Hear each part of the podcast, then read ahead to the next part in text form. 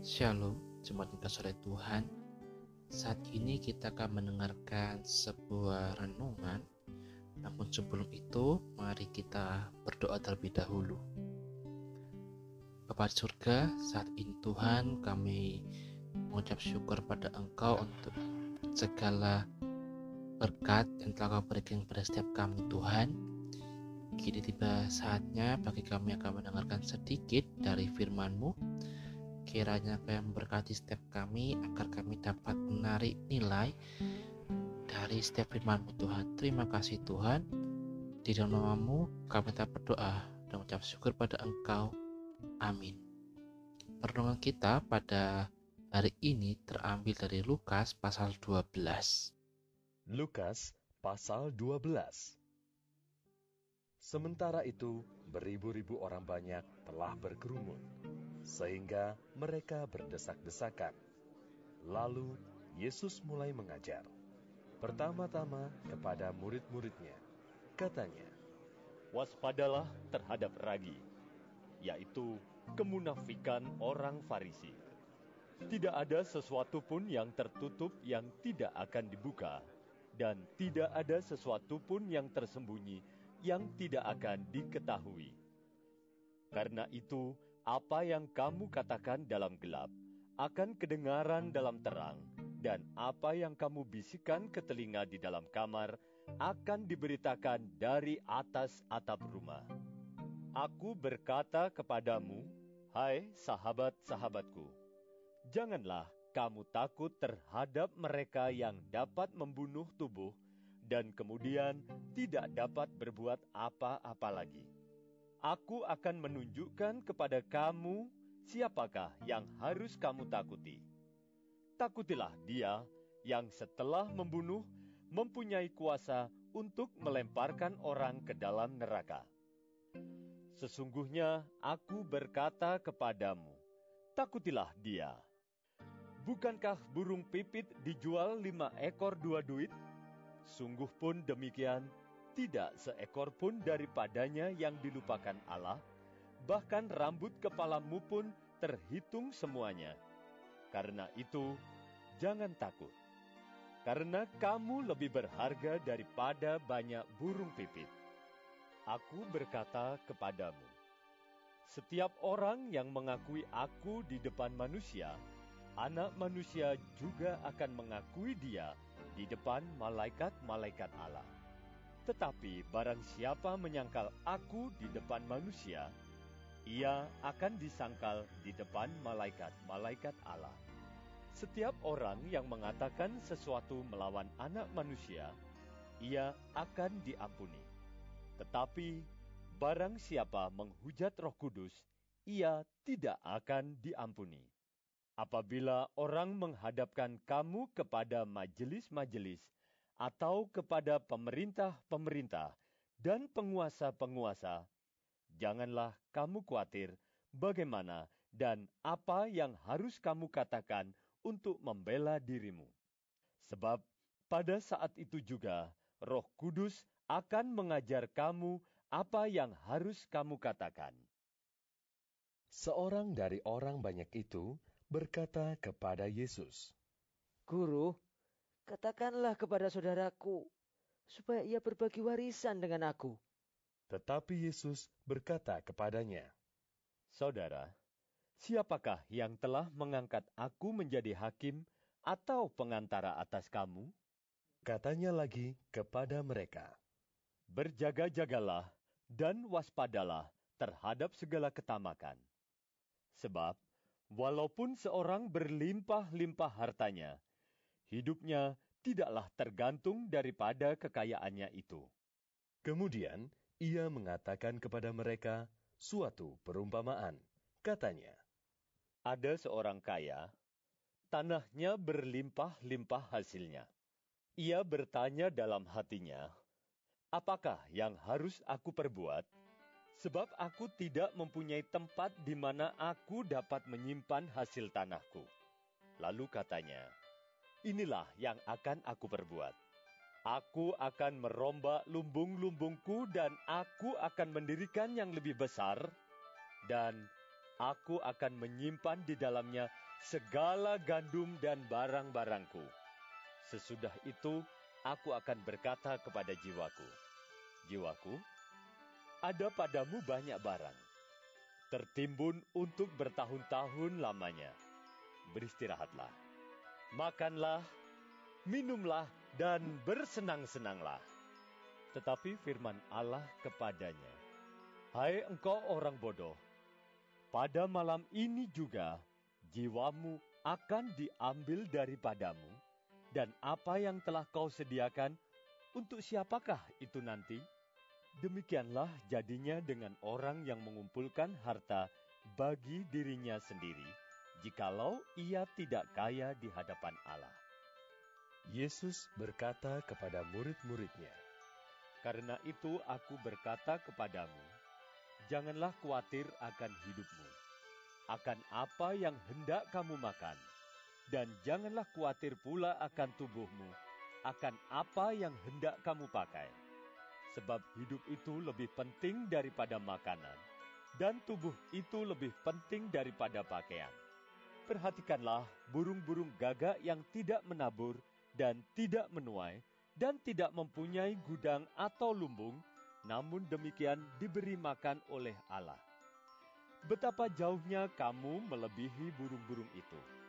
Siapakah di antara kamu yang karena kekhawatirannya dapat menambahkan sehasta pada jalan hidupnya?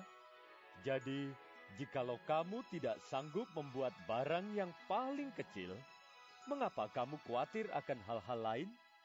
Perhatikanlah bunga bakung yang tidak memintal dan tidak menenun, namun aku berkata kepadamu, Salomo dalam segala kemegahannya pun tidak berpakaian seindah salah satu dari bunga itu.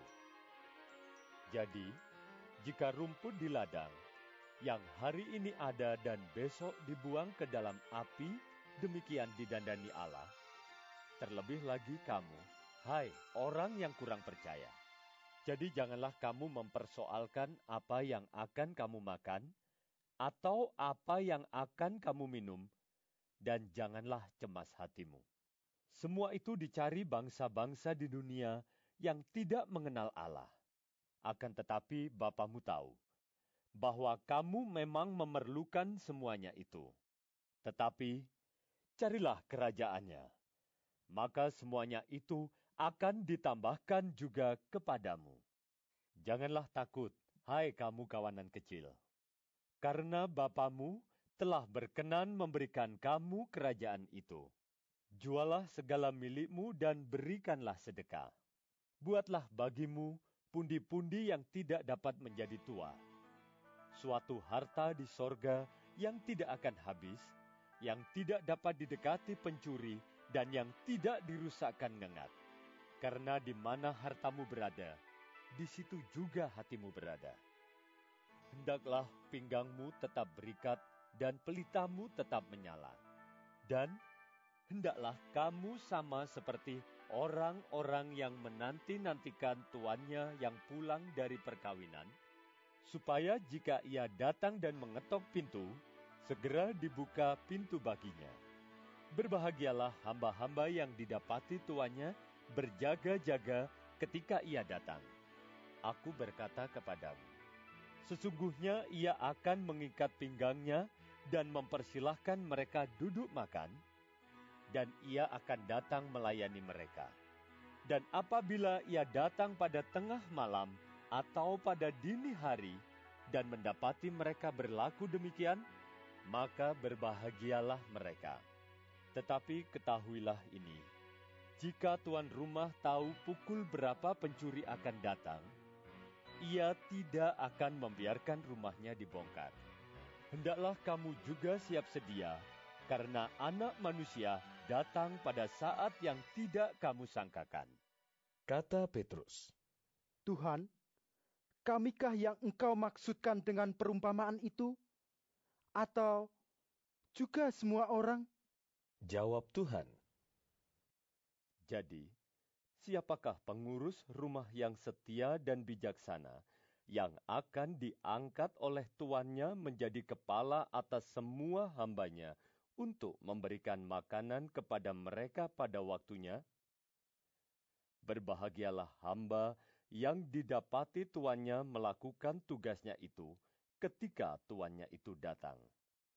Aku berkata kepadamu, sesungguhnya tuannya itu akan mengangkat dia menjadi pengawas segala miliknya. Akan tetapi, jikalau hamba itu jahat dan berkata di dalam hatinya, tuanku tidak datang-datang, lalu ia mulai memukul hamba-hamba laki-laki dan hamba-hamba perempuan, dan makan, minum, dan mabuk, maka Tuhan hamba itu akan datang pada hari yang tidak disangkakannya dan pada saat yang tidak diketahuinya, dan akan membunuh dia dan membuat dia senasib dengan orang-orang yang tidak setia. Adapun hamba yang tahu akan kehendak tuannya, tetapi yang tidak mengadakan persiapan atau tidak melakukan apa yang dikehendaki tuannya, ia akan menerima banyak pukulan. Tetapi barang siapa tidak tahu akan kehendak tuannya dan melakukan apa yang harus mendatangkan pukulan, ia akan menerima sedikit pukulan. Setiap orang yang kepadanya banyak diberi, daripadanya akan banyak dituntut, dan kepada siapa yang banyak dipercayakan, daripadanya akan lebih banyak lagi dituntut. Aku datang untuk melemparkan api ke bumi. Dan betapakah aku harapkan api itu telah menyala. Aku harus menerima baptisan, dan betapakah susahnya hatiku sebelum hal itu berlangsung. Kamu menyangka bahwa aku datang untuk membawa damai di atas bumi? Bukan. Kataku kepadamu, bukan damai melainkan pertentangan. Karena mulai dari sekarang akan ada pertentangan antara lima orang di dalam satu rumah. Tiga melawan dua dan dua melawan tiga. Mereka akan saling bertentangan. Ayah melawan anaknya laki-laki dan anak laki-laki melawan ayahnya. Ibu melawan anaknya perempuan dan anak perempuan melawan ibunya ibu mertua melawan menantunya perempuan, dan menantu perempuan melawan ibu mertuanya. Yesus berkata pula kepada orang banyak, Apabila kamu melihat awan naik di sebelah barat, segera kamu berkata, akan datang hujan. Dan hal itu memang terjadi. Dan apabila kamu melihat angin selatan bertiup, kamu berkata, hari akan panas terik. Dan hal itu memang terjadi. Hai orang-orang munafik, rupa bumi dan langit kamu tahu menilainya. Mengapakah kamu tidak dapat menilai zaman ini? Dan mengapakah engkau juga tidak memutuskan sendiri apa yang benar?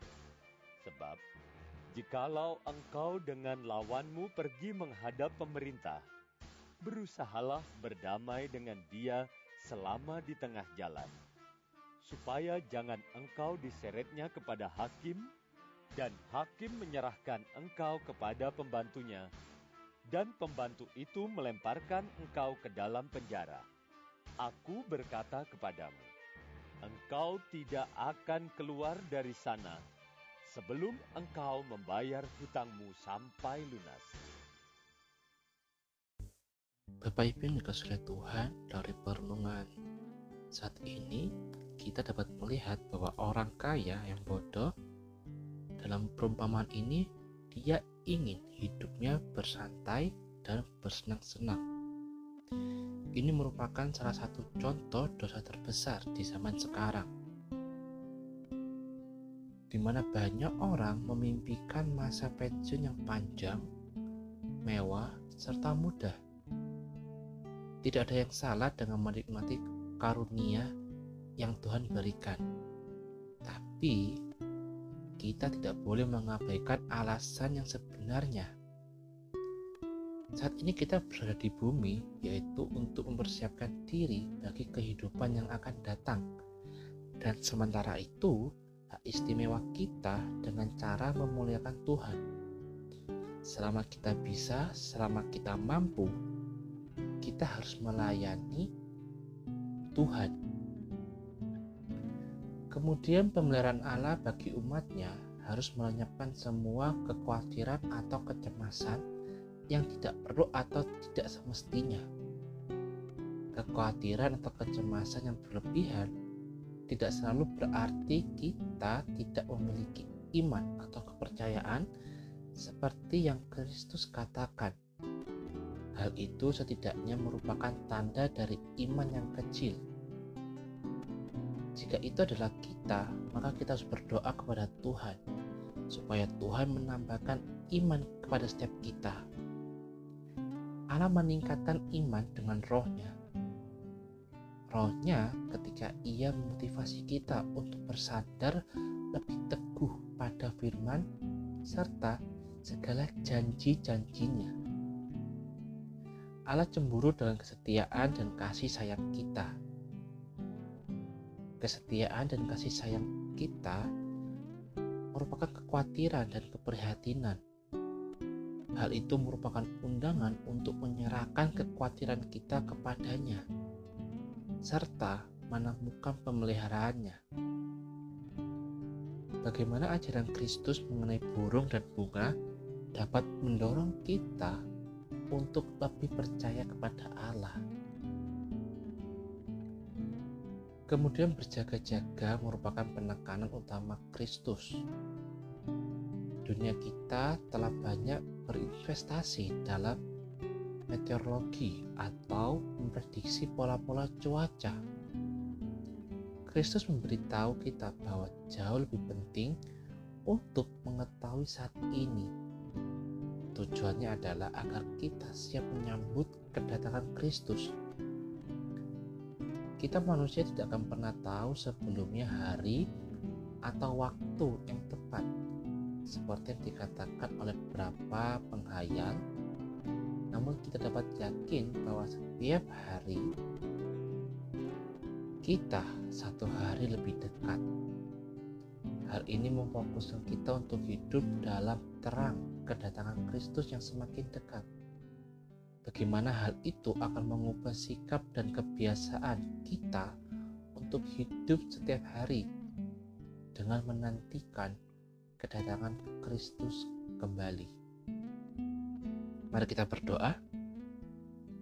Bapak di surga, saat ini Tuhan, kami telah mendengarkan sedikit dari firman Tuhan, di mana kami telah memahami bahwa kami adalah manusia yang hidup dengan harta yang fana, hidup dengan rasa kekhawatiran atau kecemasan yang berlebihan, serta sering kali kami hidup dengan prediksi-prediksi yang salah.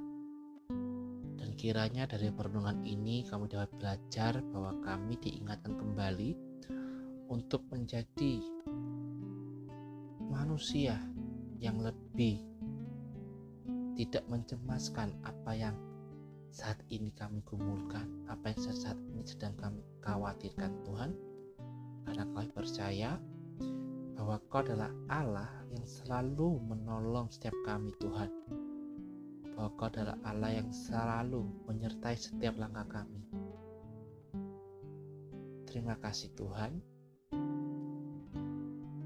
Kiranya apa yang telah kami dengarkan ini dapat menjadi pembelajaran bagi kami Tuhan. Inilah setiap doa kami, kami serahkan semuanya ke dalam tangan. Di dalam nama Tuhan Yesus kami tak berdoa. Ucap syukur pada Engkau. Amin. Selamat beraktivitas. Tuhan Yesus memberkati.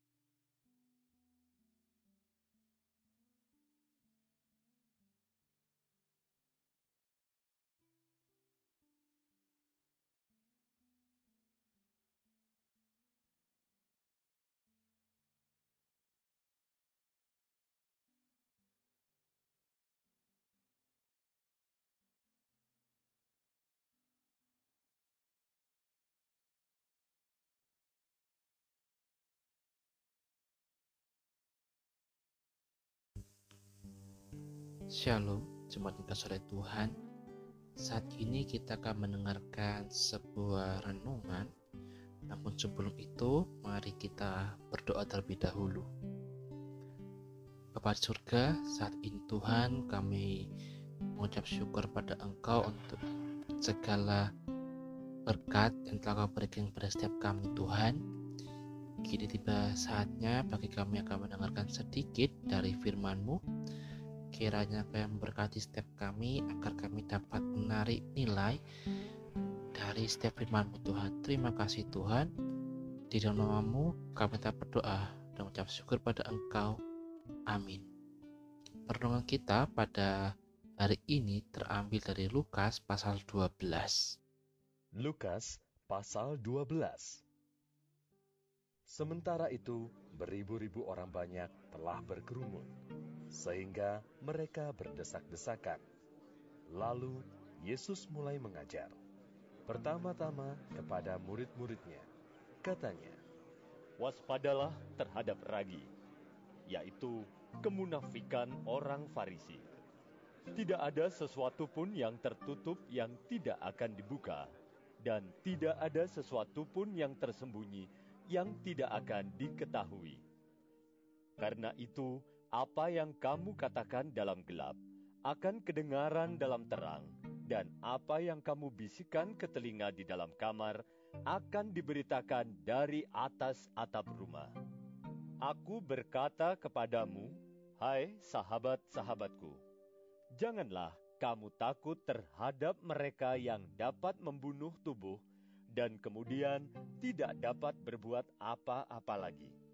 Aku akan menunjukkan kepada kamu siapakah yang harus kamu takuti. Takutilah dia yang setelah membunuh mempunyai kuasa untuk melemparkan orang ke dalam neraka. Sesungguhnya aku berkata kepadamu, takutilah dia. Bukankah burung pipit dijual lima ekor dua duit? Sungguh pun demikian, tidak seekor pun daripadanya yang dilupakan Allah, bahkan rambut kepalamu pun terhitung semuanya.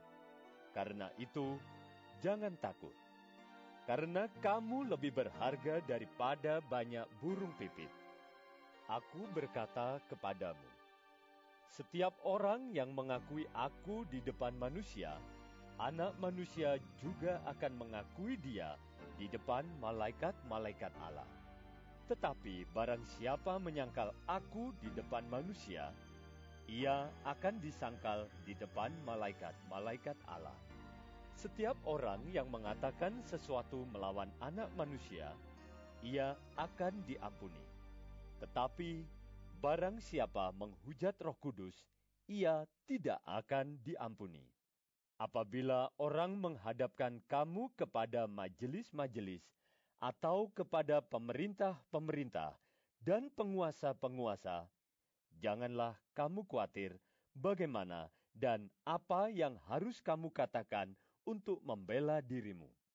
Sebab pada saat itu juga Roh Kudus akan mengajar kamu apa yang harus kamu katakan. Seorang dari orang banyak itu berkata kepada Yesus, Guru, katakanlah kepada saudaraku, supaya ia berbagi warisan dengan aku. Tetapi Yesus berkata kepadanya, Saudara, siapakah yang telah mengangkat aku menjadi hakim atau pengantara atas kamu? Katanya lagi kepada mereka, Berjaga-jagalah dan waspadalah terhadap segala ketamakan. Sebab Walaupun seorang berlimpah-limpah hartanya, hidupnya tidaklah tergantung daripada kekayaannya itu. Kemudian ia mengatakan kepada mereka suatu perumpamaan. Katanya, Ada seorang kaya, tanahnya berlimpah-limpah hasilnya. Ia bertanya dalam hatinya, Apakah yang harus aku perbuat sebab aku tidak mempunyai tempat di mana aku dapat menyimpan hasil tanahku. Lalu katanya, inilah yang akan aku perbuat.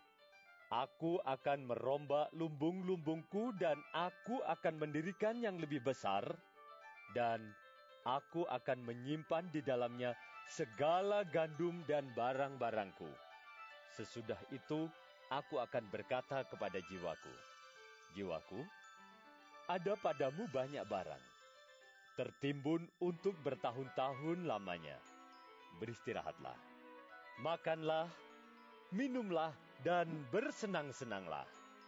Tetapi firman Allah kepadanya, Hai engkau orang bodoh, pada malam ini juga jiwamu akan diambil daripadamu, dan apa yang telah kau sediakan, untuk siapakah itu nanti?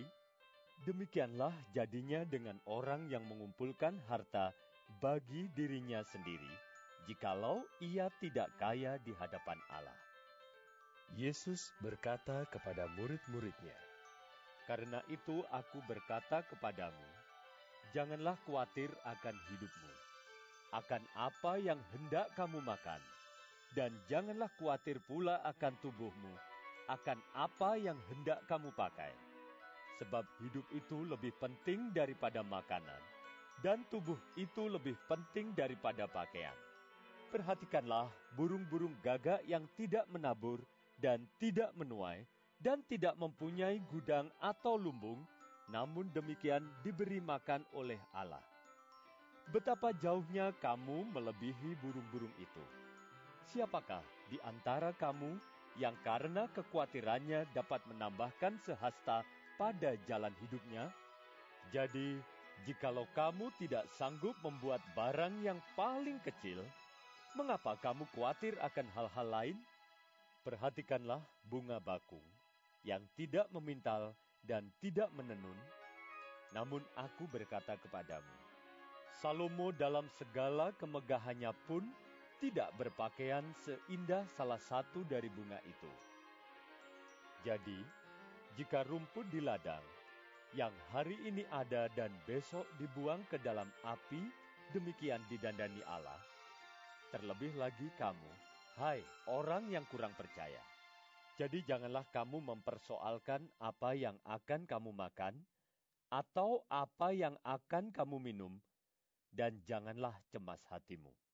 Semua itu dicari bangsa-bangsa di dunia yang tidak mengenal Allah.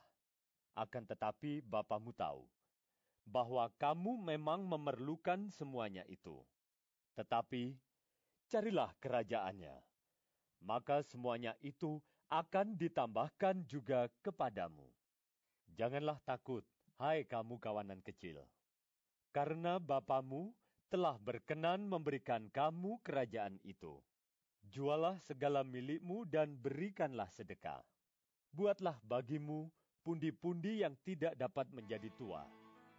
Suatu harta di sorga yang tidak akan habis, yang tidak dapat didekati pencuri, dan yang tidak dirusakkan ngengat. Karena di mana hartamu berada, di situ juga hatimu berada. Hendaklah pinggangmu tetap berikat dan pelitamu tetap menyala. Dan hendaklah kamu sama seperti orang-orang yang menanti-nantikan tuannya yang pulang dari perkawinan, supaya jika ia datang dan mengetok pintu, segera dibuka pintu baginya. Berbahagialah hamba-hamba yang didapati tuannya berjaga-jaga ketika ia datang. Aku berkata kepadamu, sesungguhnya ia akan mengikat pinggangnya dan mempersilahkan mereka duduk makan, dan ia akan datang melayani mereka. Dan apabila ia datang pada tengah malam atau pada dini hari dan mendapati mereka berlaku demikian, maka berbahagialah mereka. Tetapi ketahuilah ini, jika tuan rumah tahu pukul berapa pencuri akan datang, ia tidak akan membiarkan rumahnya dibongkar. Hendaklah kamu juga siap sedia, karena anak manusia datang pada saat yang tidak kamu sangkakan. Kata Petrus, Tuhan, kamikah yang engkau maksudkan dengan perumpamaan itu? Atau juga semua orang? Jawab Tuhan, Jadi, siapakah pengurus rumah yang setia dan bijaksana yang akan diangkat oleh tuannya menjadi kepala atas semua hambanya untuk memberikan makanan kepada mereka pada waktunya? Berbahagialah hamba yang didapati tuannya melakukan tugasnya itu ketika tuannya itu datang. Aku berkata kepadamu, sesungguhnya tuannya itu akan mengangkat dia menjadi pengawas segala miliknya. Akan tetapi, jikalau hamba itu jahat dan berkata di dalam hatinya, Tuanku tidak datang-datang, lalu ia mulai memukul hamba-hamba laki-laki dan hamba-hamba perempuan, dan makan, minum, dan mabuk, maka Tuhan hamba itu akan datang pada hari yang tidak disangkakannya dan pada saat yang tidak diketahuinya, dan akan membunuh dia dan membuat dia senasib dengan orang-orang yang tidak setia. Adapun hamba yang tahu akan kehendak tuannya, tetapi yang tidak mengadakan persiapan atau tidak melakukan apa yang dikehendaki tuannya, ia akan menerima banyak pukulan. Tetapi barang siapa tidak tahu akan kehendak tuannya dan melakukan apa yang harus mendatangkan pukulan, ia akan menerima sedikit pukulan. Setiap orang yang kepadanya banyak diberi, daripadanya akan banyak dituntut, dan kepada siapa yang banyak dipercayakan, daripadanya akan lebih banyak lagi dituntut. Aku datang untuk melemparkan api ke bumi, dan betapakah aku harapkan api itu telah menyala. Aku harus menerima baptisan, dan betapakah susahnya hatiku sebelum hal itu berlangsung. Kamu menyangka bahwa aku datang untuk membawa damai di atas bumi? Bukan. Kataku kepadamu, bukan damai, melainkan pertentangan. Karena mulai dari sekarang akan ada pertentangan antara lima orang di dalam satu rumah. Tiga melawan dua dan dua melawan tiga. Mereka akan saling bertentangan. Ayah melawan anaknya laki-laki dan anak laki-laki melawan ayahnya. Ibu melawan anaknya perempuan dan anak perempuan melawan ibunya ibu mertua melawan menantunya perempuan, dan menantu perempuan melawan ibu mertuanya. Yesus berkata pula kepada orang banyak, Apabila kamu melihat awan naik di sebelah barat, segera kamu berkata, akan datang hujan. Dan hal itu memang terjadi. Dan apabila kamu melihat angin selatan bertiup, kamu berkata, hari akan panas terik. Dan hal itu memang terjadi. Hai orang-orang munafik, rupa bumi dan langit kamu tahu menilainya. Mengapakah kamu tidak dapat menilai zaman ini? Dan mengapakah engkau juga tidak memutuskan sendiri apa yang benar? Sebab, jikalau engkau dengan lawanmu pergi menghadap pemerintah, berusahalah berdamai dengan dia selama di tengah jalan, supaya jangan engkau diseretnya kepada hakim dan hakim menyerahkan engkau kepada pembantunya, dan pembantu itu melemparkan engkau ke dalam penjara. Aku berkata kepadamu, engkau tidak akan keluar dari sana sebelum engkau membayar hutangmu sampai lunas. Bapak Ibu yang dikasih Tuhan dari perenungan saat ini kita dapat melihat bahwa orang kaya yang bodoh dalam perumpamaan ini, dia ingin hidupnya bersantai dan bersenang-senang. Ini merupakan salah satu contoh dosa terbesar di zaman sekarang, di mana banyak orang memimpikan masa pensiun yang panjang, mewah, serta mudah. Tidak ada yang salah dengan menikmati karunia yang Tuhan berikan, tapi kita tidak boleh mengabaikan alasan yang sebenarnya. Saat ini kita berada di bumi, yaitu untuk mempersiapkan diri bagi kehidupan yang akan datang. Dan sementara itu, hak istimewa kita dengan cara memuliakan Tuhan. Selama kita bisa, selama kita mampu, kita harus melayani Tuhan Kemudian pemeliharaan Allah bagi umatnya harus melenyapkan semua kekhawatiran atau kecemasan yang tidak perlu atau tidak semestinya. Kekhawatiran atau kecemasan yang berlebihan tidak selalu berarti kita tidak memiliki iman atau kepercayaan seperti yang Kristus katakan. Hal itu setidaknya merupakan tanda dari iman yang kecil. Jika itu adalah kita, maka kita harus berdoa kepada Tuhan supaya Tuhan menambahkan iman kepada setiap kita. Allah meningkatkan iman dengan rohnya. Rohnya ketika ia memotivasi kita untuk bersandar lebih teguh pada firman serta segala janji-janjinya. Allah cemburu dengan kesetiaan dan kasih sayang kita. Kesetiaan dan kasih sayang kita merupakan kekhawatiran dan keprihatinan. Hal itu merupakan undangan untuk menyerahkan kekhawatiran kita kepadanya, serta menemukan pemeliharaannya. Bagaimana ajaran Kristus mengenai burung dan bunga dapat mendorong kita untuk lebih percaya kepada Allah. Kemudian berjaga-jaga merupakan penekanan utama Kristus.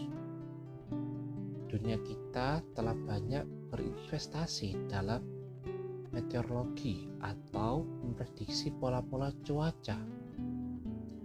Kristus memberitahu kita bahwa jauh lebih penting untuk mengetahui saat ini. Tujuannya adalah agar kita siap menyambut kedatangan Kristus kita manusia tidak akan pernah tahu sebelumnya hari atau waktu yang tepat. Seperti yang dikatakan oleh beberapa penghayal namun kita dapat yakin bahwa setiap hari kita satu hari lebih dekat. Hal ini memfokuskan kita untuk hidup dalam terang kedatangan Kristus yang semakin dekat Bagaimana hal itu akan mengubah sikap dan kebiasaan kita untuk hidup setiap hari dengan menantikan kedatangan Kristus kembali. Mari kita berdoa. Bapak di surga, saat ini Tuhan, kami telah mendengarkan sedikit dari firman Tuhan, di mana kami telah memahami bahwa kami adalah manusia yang hidup dengan harta yang fana, hidup dengan rasa kekhawatiran atau kecemasan yang berlebihan, serta sering kali kami hidup dengan prediksi-prediksi yang salah.